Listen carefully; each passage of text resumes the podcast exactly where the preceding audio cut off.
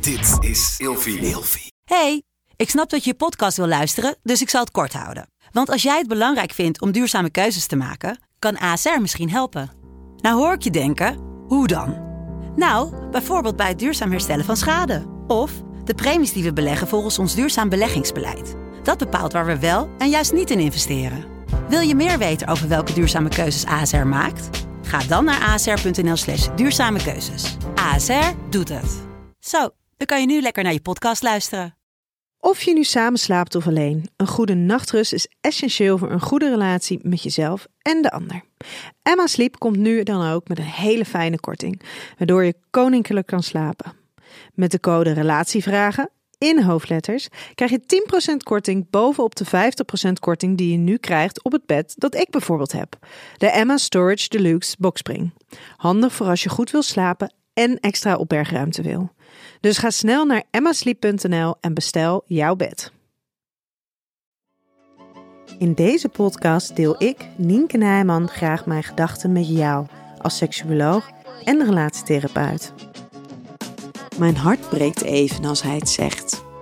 Ze gedraagt zich nu vast excentriek omdat ze gezien wil worden. Ik spreek deze man nu ongeveer een half jaar en het zijn mooie gesprekken. Hij merkt dat hij erg onrijp is op het emotionele vlak en hij hierdoor vaak lomp overkomt, zeker binnen relaties. Verder is hij overigens een zeer ontwikkelde man. Hij heeft een succesvol bedrijf waarin hij het als werkgever goed doet met zijn werknemers. Op zakelijk vlak weet hij wat hij doet, waardoor het ook zo gemakkelijk is om je te laten verleiden in zijn vlotte babbel. Maar met uitspraken als deze worden we ineens geconfronteerd met de andere, wellicht minder ontwikkelde kant van hem. Mijn dochter vertelde me dat ze op vrouwen valt, maar ik denk dat het gewoon is omdat ze aandacht wil. Dat is wat hij zegt. Zijn dochter is 21 en bereidt zich voor op de overname van het bedrijf van haar vader. Ze is ambitieus en serieus, maar ook erg introvert. Aanvankelijk denk ik, of hoop ik, dat zijn reactie voortkomt uit zijn emotionele onrijpheid. Juist omdat dat het punt van aandacht is van de therapie, vraag ik hem om meer tekst en uitleg. Wellicht dat hij dan op andere woorden kan komen dan degene die hij in mijn beleving wat ongelukkig had gekozen. Maar dan blijkt dat hij precies deze woorden bedoelde. Hij dacht niet dat zijn dochter serieus gevoelens voor vrouwen zou kunnen hebben. En toen gebeurde er iets bijzonders.